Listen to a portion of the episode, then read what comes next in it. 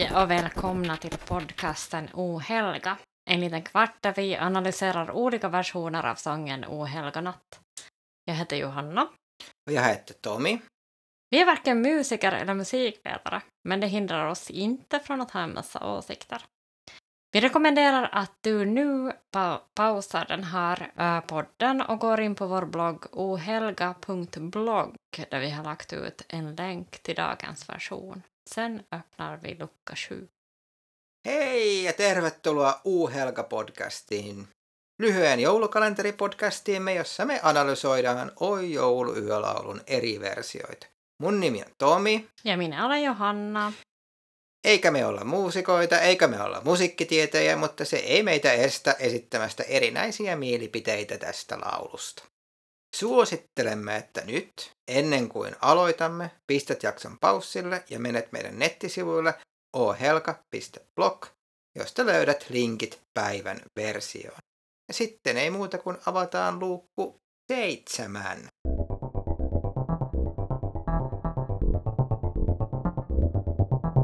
Men innan vi börjar prata om Forks version av Ohelga natt så tänkte jag prata lite om den här svenska versionen.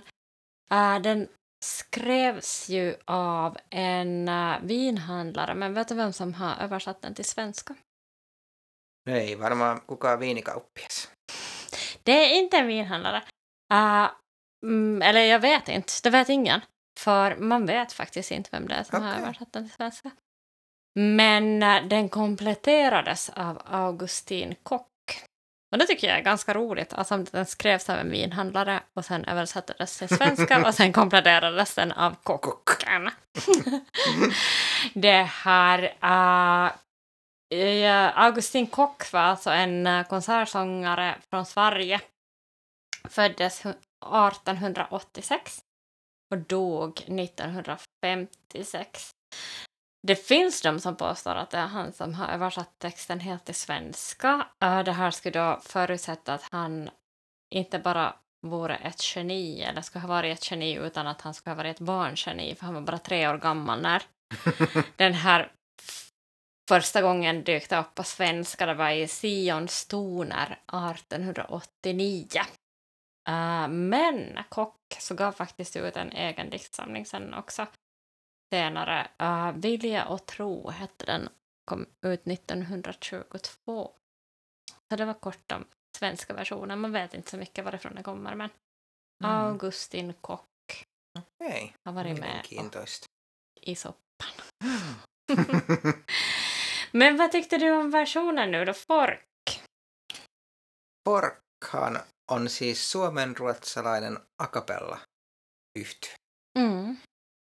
Joo, no erinäisiä mielipiteitä. Ehkä ekana pistää mm, niin kuin, mietityttämään tämä James Bond dan da dan da da da tyylinen aloitus. Mm. Jotenkin se, se jotenkin, siitä tulee ihan erilainen tunnelma tähän kappaleeseen, vaikka se sitten myöhemmin menee hyvin perinteiseen. Se mm. oli mun mielestä se ehkä ensimmäinen ajatus, että mis, mitäs tässä nyt tehdään. Ja, min första tanke var också att, att det hörs att det här är a cappella. Mm. Man, man kan höra det liksom på något sätt i själva formen också. Joo, kyllä. Mm.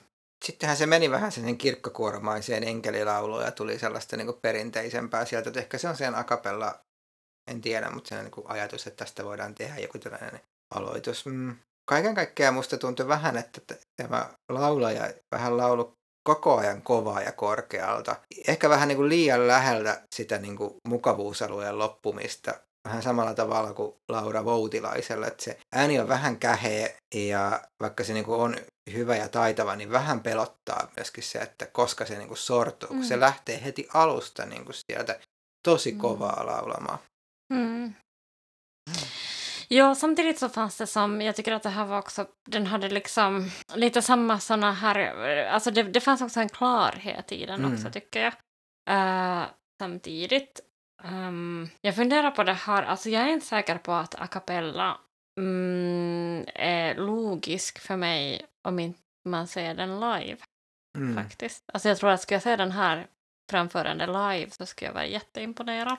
Toi on varmaan totta. Mä oon Mm. samaa. Joo, hyvä pointti. Se Joo. varmaan niin kuin, silloin siitä tulee ihan erilainen Joo. fiilis, että nyt se niin kuin vaan ottaa sieltä, että siellä on se äänimaisema, eikä niin kuin, vaikka sen kuulee, että se on ihmisääni, joka ne tekee, niin, niin sitä ei niin kuin sillä tavalla Mm.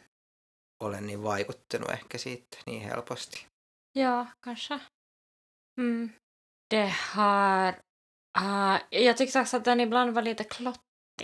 Mm. Lite sådär, lite som um, om man tänker på Backstreet Boys-versionen. Mhm. Att det var ganska många saker som hände. Mm. Joo, oli. Samtidigt. Mm. Mm. Sama mäkin, vähän sekava, sekava jollakin tavalla. Se, mikä mä tykkäsin, oli siellä keskivaiheella, kun mennään laulamaan folkista siellä, niin se, kun se mentiin matalalle, niin sitten sen laulajan ääni jotenkin alkoi niinku resonoimaan paremmin. Se oli Mm. niinku aika kapea ja kireä siellä ylhäällä. Sitten se niinku, siitä tuli aika se mahtava. Mutta sitten taas niinku se, mun mielestä se lopun kohotus, kun siinä lähdettiin, sitten tuli paljon lisää niitä ääni, ääniä ja muuta, niin jotenkin ei onnistunut, koska se oli alkanutkin niin kovaa, niin ei Aivan. siinä tullut sellaista niinku fiilistä sitten siihen. Precis. Alltså, ja. Jag tänker mig den här versionen som en sån här låda med goda franskisar. Franskisar. Ja. Miksi ranskalaisia? Nej men jag tänker den, de är sådär liksom, ähm, det är så här ähm, på något sätt den fyller en funktion Mm. och det är ganska gott men det är ändå inte ähm, fin Mm. mat Joo. på det sättet. Mm. Mm. Okei, okay, aika hyvä. Mm. Ranskalaisia. Mm. Näin tehdään. Tonen. Men tonen då? Tar vi tonen? Vad tyckte du om den? Tuunen.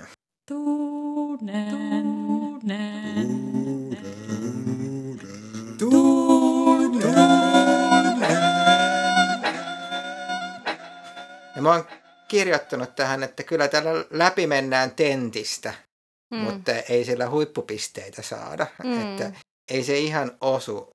Siinä on kuitenkin se, että se yrittää. Siis siinä on niin kuin se yritys, mutta siinä on ehkä se ongelma just, että kun se on koko ajan vetänyt niin täysillä ja aika korkealla, varmaan en osaa sanoa, mutta se tuntuu, että korkealle hänen äänialalleen, niin se ei niin kuin vaikuta samalla tavalla. Ja. Ja sitten iso miinus siitä, että, että se pitkittää sen, sen, niin kuin sen lauseen lopun, jota tosi moni tekee, niin kuin ihan kuin se auttaisi jotain, että jos et sä osu sinne, niin ei se auta, että sä niin kuin sitten jotenkin niin kuin pitkität sitä, tai, että, tai sitten onko niin, että se on niin, niin kuin puhki siitä, että se ei pysty jatkamaan heti, vaan se vaatii se hengähdystauon, jolloin voi niin kuin sitten vetää vähän aikaa ja sitten taas, niin kuin, mitäs mä nyt olinkaan Mm. tekemässä, kun mä kompastuin tässä. Mm. En tiedä, mutta joo, hyväksyttävä. Ja, jag har också skrivit helt okej ton. Det har, um, jag tycker du, du beskriver det ganska bra. Jag, jag kan skriva under din analys. Okei. Ja. Kouluarvosana. Uh, jag har satt en sjua. No, seiska. Kyllä ei se ollut, niin ei se huono ollut. Joo, seiska. Sitten voi olla ihan ylpeä. Mm. Tätä mieltä me oltiin tällä kertaa tästä Forkin versiosta. Mitä mieltä olet? Samaa mieltä? Jotain muuta mieltä? Jos haluat, jätä kommentti meidän nettisivuille uhelka.blog. Kaikki kuuntelemamme kappaleet muuten löytyy soi- soittolistana sekä Apple Musicista että Spotifysta. Huomiseen ollaan kuuntelemme version ehkä eräältä joulun kuninkaalta. Så här tyckte vi alltså om Forks version. Du får gärna kommentera vad du tycker om den på vår blogg ohelga.blogg.